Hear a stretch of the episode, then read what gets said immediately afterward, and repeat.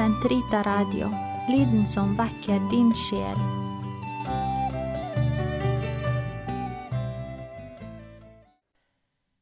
Kamels hage, sesong 2, episode 11 Tanker om fastens rolle i våre kristne liv, del 3 I dag leser jeg det siste av tre foredrag for dere. De ble forberedt av fader Joel Regnard til St. Paul menighets faste retrett i 2020, som ble avlyst da Norge ble nedstengt på grunn av korona. Fader Joel er sistersienser og kommer fra klosteret Abbé Notre-Dame de Citeaux i Burgund i Frankrike. Han er en av de fire brødrene som grunnla klosteret på Munkeby i 2009, og i dag ansvarlig for kommuniteten og involvert i ysteriet, der den kjente rødkittosten Munkeby blir produsert. Foredragene leses med tillatelse. I fastetiden hører vi på første søndag evangeliet om Jesu fristelse i ørkenen. I år var det fra Matteusevangeliet. Det som er underlig med Jesus, er at det ser ut til at han ikke er rammet av fristelser i det hele tatt. Hvorfor er det slik? Hvis vi finner noen svar på dette spørsmålet, kan det hjelpe oss i vår åndelige kamp for å stå imot fristelse. Første fristelse Med den første fristelsen er Jesus, sult, er Jesus sulten etter 40 faste dager. Han bruker ikke sin makt til å skaffe seg mat på en overnaturlig måte, han som kunne mette 5000. I sitt svar til fristeren påstår han at det, er, at det som er det viktigste, er det som går ut av Guds munn, det som kan tolkes som Guds ord. Guds ord er nettopp sentralt i denne fortellingen om Jesu fristelse. Både Jesus og fristeren selv bruker Guds ord. Apropos den første fristelsen, så svarer Jesus til fristeren med et sitat fra femte Mosebok 8.3. Mennesket lever ikke av brød alene, det lever av de ord som lyder fra Guds munn. Dette avsnittet er skrevet i forbindelse med manner som gave. Guds ord er effektivt. Når vi er sultne eller i en nødsituasjon eller med noen behov, er det bedre noen ganger å ikke øyeblikkelig finne praktiske løsninger ved å åpne kjøleskapsdøren med en gang, for eksempel selv om dette ikke er en komfortabel erfaring for oss. Når vi vanligvis får alt vi trenger uten å vente, lærer vi ved å ta avstand fra våre umiddelbare behov og huske på at vi må stole på Gud i alt, slik som Israel gjorde det i ødemarken. Guds forsyn gir det som trengs i riktig tid. Denne forventningen gir plass til Gud i våre liv. Noe som uttrykkes på en merkverdig måte i dette avsnittet fra femte Mosebok. Herren din Gud førte deg hele veien, disse 40 år i ørkenen, fordi han ville ydmyke deg og prøve deg for å vite hva som bodde i ditt hjerte, om du ville holde hans bud eller ikke. Han ydmykte deg ved å la deg sulte, så ga han deg manna, en mat som verken du eller dine fedre kjente til. Femte Mosebok 8, 2–39 Det som vi lærer i fasten i ørkenen, er å se hva som bor i våre hjerter, om vi virkelig stoler på Gud. Det åpner oss for en annen mat som er åndelig, og som vi skal snakke om senere. Andre fristelse Med den andre fristelsen Jesus utsettes for, ser vi enda tydeligere hvordan Guds ord er effektivt gjennom et konkret, bokstavelig forhold til Guds ord. Denne gangen bruker fristeren selv et vers fra den bibelske salme 90, eller 91, vers 11–12. Han oppfordrer Jesus til å kaste seg ned fra tempelets tind, for han skal gi sine engler befaling, og de skal bære deg på alle dine veier, så din fot ikke støter mot noen sten.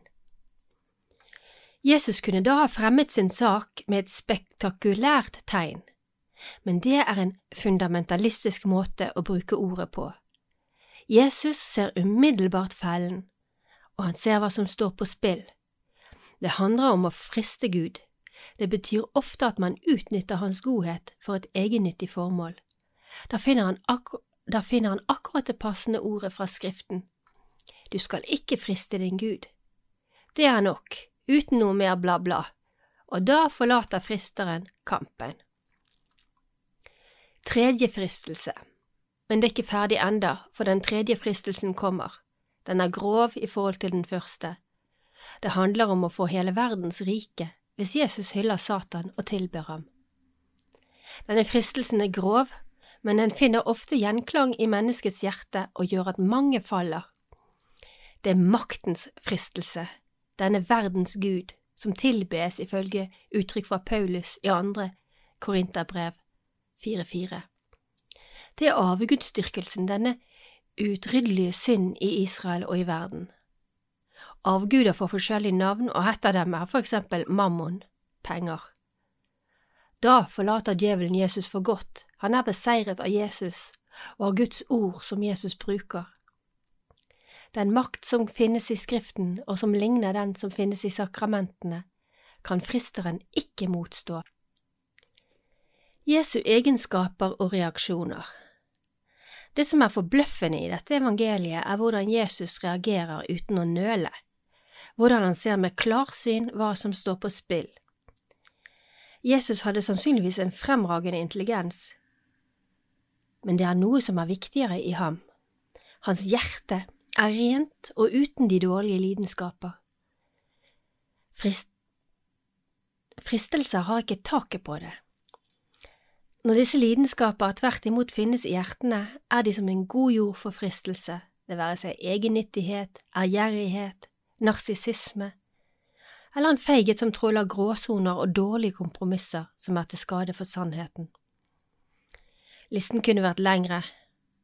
Hvis vi med ydmykhet og selverkjennelse kan gjenkjenne våre lidenskaper, slike som hovmod, sjalusi, grådighet, ærgjerrighet osv., da er det første trinn til å unngå å rammes av fristelse. Lectio divina som hjelp mot fristelser. I fastetiden har Guds ord en spesiell plass, det er en stor styrke i kampen mot fristelser. Sankt Benedikt visste det. I sin regel påla han munkene å ha flere timer viet til lectio divina. Det er stor tillit til Skriften. Det er underlig å se at når Jesus bruker Skriften, forsvinner fristelsen, og til slutt forlater djevelen Jesus. Det er nå tid for å komme tilbake til spørsmålet om hvilken åndelig mat vi får i ørkenen. Sankt Bernard gir oss en forklaring. Han visste at i fastetiden, som var hard i hans tid, så kunne munkene miste motet og tålmodigheten. I innledningen til prekenene som kommenterer Salme 90, for brødre som har underkastet seg den strenge boten i fasten, innrømmer Bernard at fasten overgår deres krefter. Med sine 40 dager representerer fastetiden en generasjon. Den er liksom symbolet på et helt liv. Veien kan oppleves lang. For noen som en ørken de går igjennom. Det er krevende, og underveis kan man miste motet. Dette er en fristelse som kommer fra djevelen. Som Jesus var fristet i 40 dager i ørkenen, er munkene fristet i 40 dager. I noen vanskelige omstendigheter i livet er vi nødt til å finne næring som gjør det mulig å utholde prøvelsen. Hvorfra kunne munkene finne denne næringen for å finne krefter til å fortsette på veien? Veien er enda lang. De giftige ord fra fristeren i denne situasjonen er Veien er enda lang. Fristeren hvisker i munkens øre. Det er for vanskelig, du skal ikke lykkes. Bernard søker i Skriften etter hvordan å svare fristeren. Han vet som Jesus, når han fristes, at det er i Skriften vi finner legemiddelet mot fristelse. Han søker det avsnittet hvor det snakkes om en lang vei. Blant annet melder det seg i Bernards bevissthet en passasje fra første kongebok. Det gjenstår en lang vei for deg å vandre. 1907. Det avsnittet av Skriften som kommer opp til ham på denne måten, er spesielt rikholdig. Vi kjenner historien godt. For å redde sitt liv fra dronning Jesabels hevn har profeten Elia flyktet, og han har stanset ved Jordan. Han legger seg ned og vil dø, og sovner. men en engel vekker ham to ganger, og han får øye på en brødleiv bakt på glødende steiner og en krukke med vann. Engelen sier til profeten at han må spise og drikke, siden det ennå er lang vei til Horeb, Herrens fjell, der Gud vil åpenbare seg for ham i lyden av en skjør stillhet. I Bernards øyne er ikke denne maten rare greier, det er jo brød og vann, men det er tilstrekkelig med tanke på veien.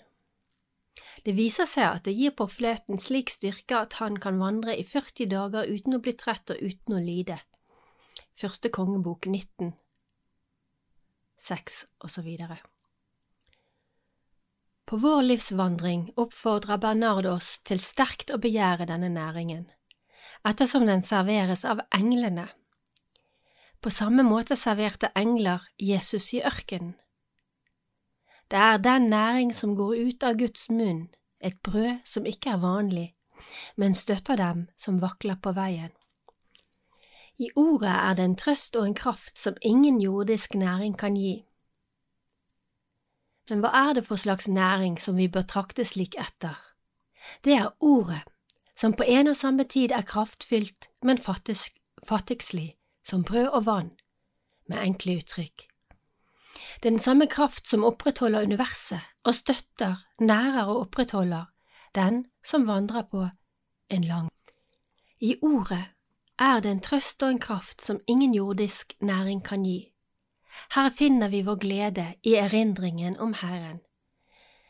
Denne memoria dei, erindringen om Herrens verk, er et konstant tema i klostervesenet gjennom den vedvarende meditasjonen og resitasjonen av ordet.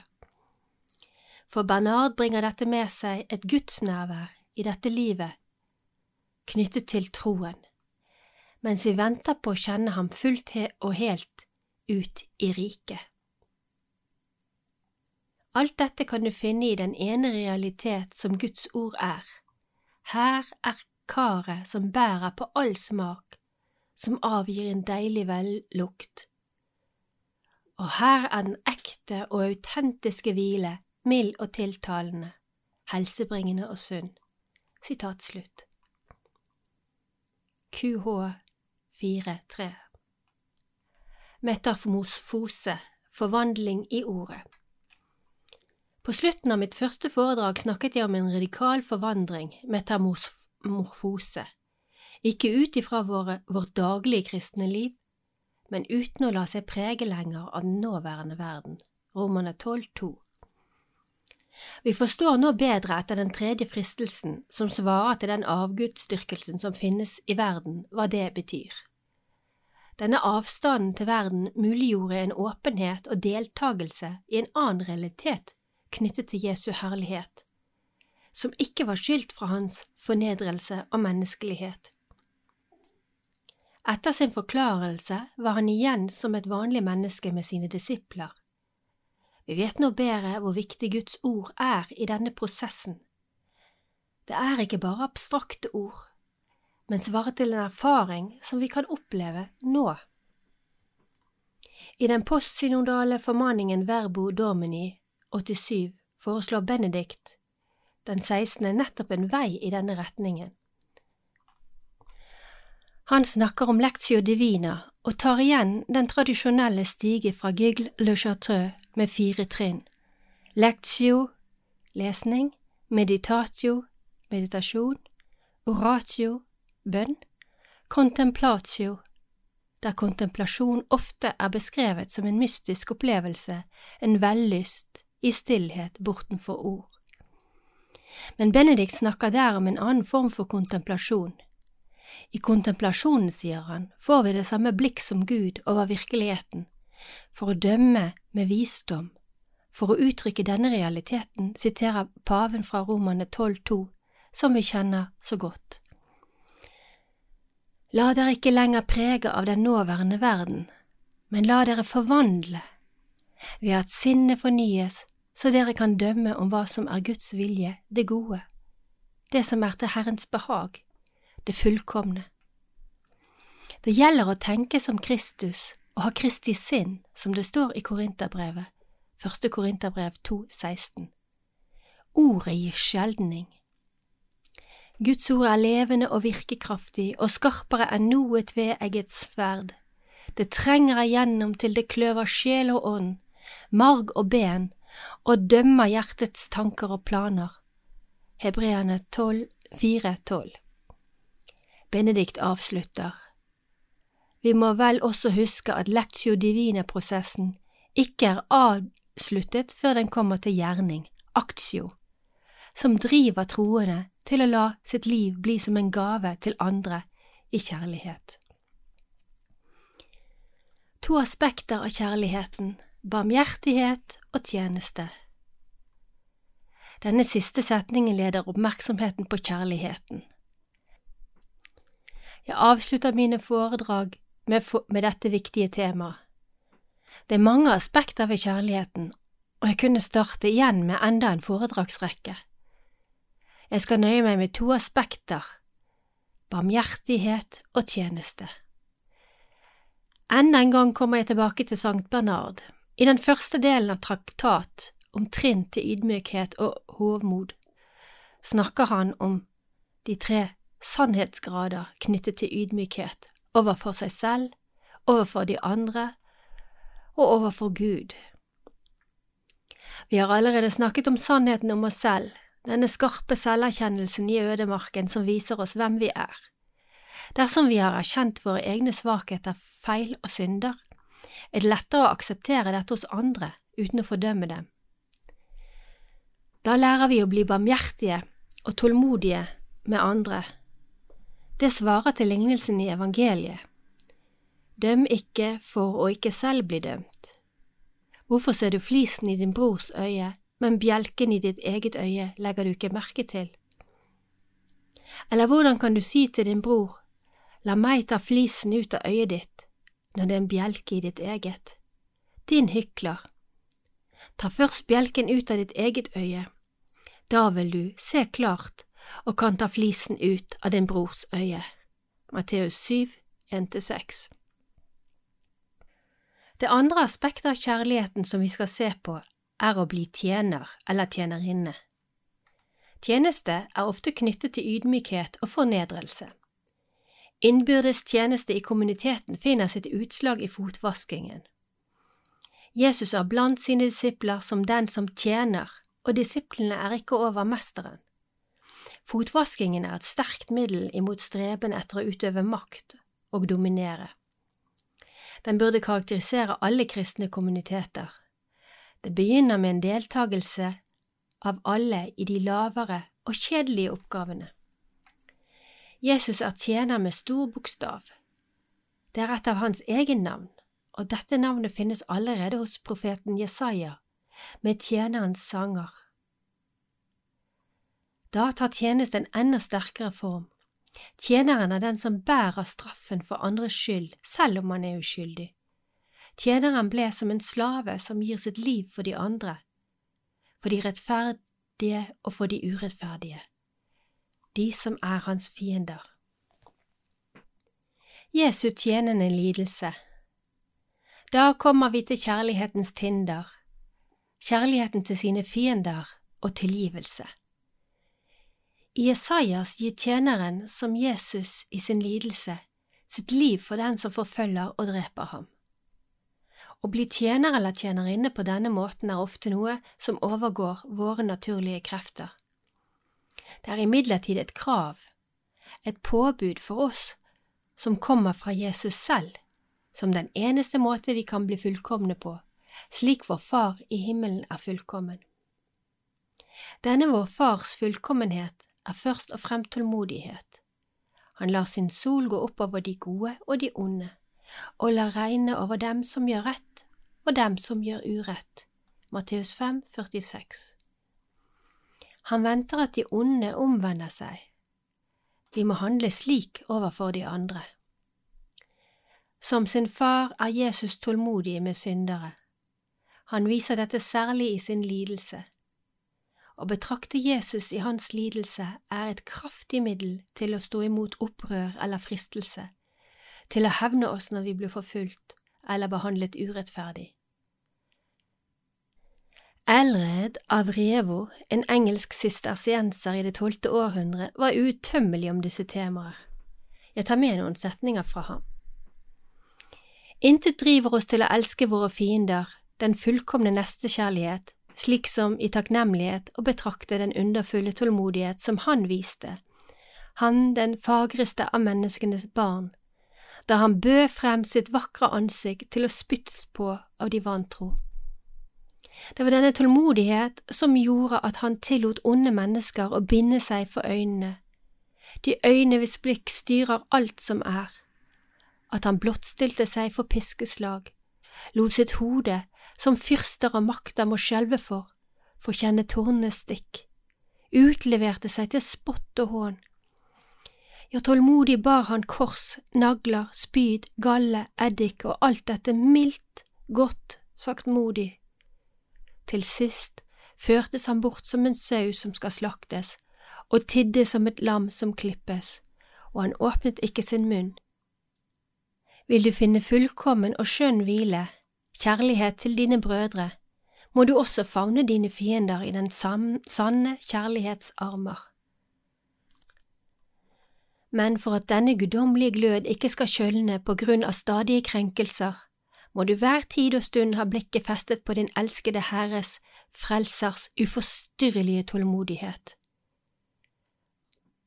Tidebønnene fra vigilien fredag, faste uke én. Det angår våre vanlige, daglige og konkrete liv. Vi vet at det er vanskelig å beholde kjærlighetens glød i de daglige omstendigheter som sliter på oss. Vi må holde ut de samme tingene om og om igjen selv om vi ikke utsettes for store forfølgelser eller martyrdom. Vi kan oppleve det i våre familier, kommuniteter, menigheter eller på jobb, hvor vi opplever stadige krenkelser så det kan være vanskelig, nesten umulig å være tålmodig, særlig hvis vårt gamle ego, cellet, ikke er helt dødt. Denne trofastheten i de små ting er imidlertid så viktige. Det har den hellige Teresa Jesusbarnet lært oss. Da står vi en gang til overfor fastetidens paradoks, som også er hele vårt kristne livs paradoks. Det angår våre vanlige, daglige og konkrete liv i forhold til vår kropp, våre materielle behov, også vårt forhold til andre, med alt det som vi må holde ut, og som også har en stor åndelig betydning. Samtidig, og det er det andres aspektet av paradokset, det som handler om i fastetiden å ta avstand nettopp fra vårt vanlige verdslige liv. Vi lever i en tilbaketrekning der vi lar ødemarken få en plass i vårt liv. Vi prøver å legge bak oss det vanlige som tar for mye plass, denne verdens guder, og det er en viss forsakelse. Det gir rom for et annet liv, et nytt liv, et åndelig liv, som vi erfarer i troen som et pant der kan vi føle tomhet og til og med avsky for forskjellige fristelser, som å flykte fra seg selv og komme tilbake til Israel, til Egypt. Gud støtter oss på denne harde veien, særlig med sitt ord. Sjelen vokser i kjærlighet. Denne åndelige kampen er ikke kun individuell. Den forbereder oss til å leve i kjærlighet rettet mot de andre, men også mot Gud og nettopp på grunn av dette burde den være stimulerende og tiltrekkende, til tross for vanskelighetene. Bernard snakker om dette i en av sine prekener om Høysangen, 2711. Hans spørsmål er kanskje rart. Kan sjelen som ikke er materiell, utvide seg eller vokse slik som kroppen? Ja, på sett og vis, svarer han. Hvis kjærligheten er liten i sjelen, da er sjelen liten, hvis kjærligheten er stor, da er sjelen stor. Sjelen vokser med kjærlighet. Kjærligheten er liten, begrenset, når den bare eksisterer for dem som er oss nær, pårørende og venner. Kjærligheten er bredere når den er mot alle mennesker som er forskjellige, langt borte, eller de fattige og de som ikke er interessante. Vi kunne legge til alle skapninger, som i tilfelle med noen store helgener, Frans av Assisi, Siloan, en munk fra Atos og helligkåret i den ortodokse kirke. Men den største kjærlighet er den i forhold til våre fiender, de som forfølger oss og til og med vil oss til livs. Da er vår sjel umåtelig stor, da finnes det i den en fortærende ild som favner alt og alle. Da finnes det nok rom i vår sjel, sier Bernard, for Gud, den aller høyeste, den helligste og den herligste. Han trives med å bo der, han kan til og med lett vandre i den. Da er vi selv forandret med kropp og sjel. Alle ser vi med utildekket ansikt Herrens herlighet som i et speil, og blir forvandlet til det samme bildet, fra herlighet til herlighet. Dette skjer ved Herrens ånd. Andre Korinterbrev 3,18 Amen.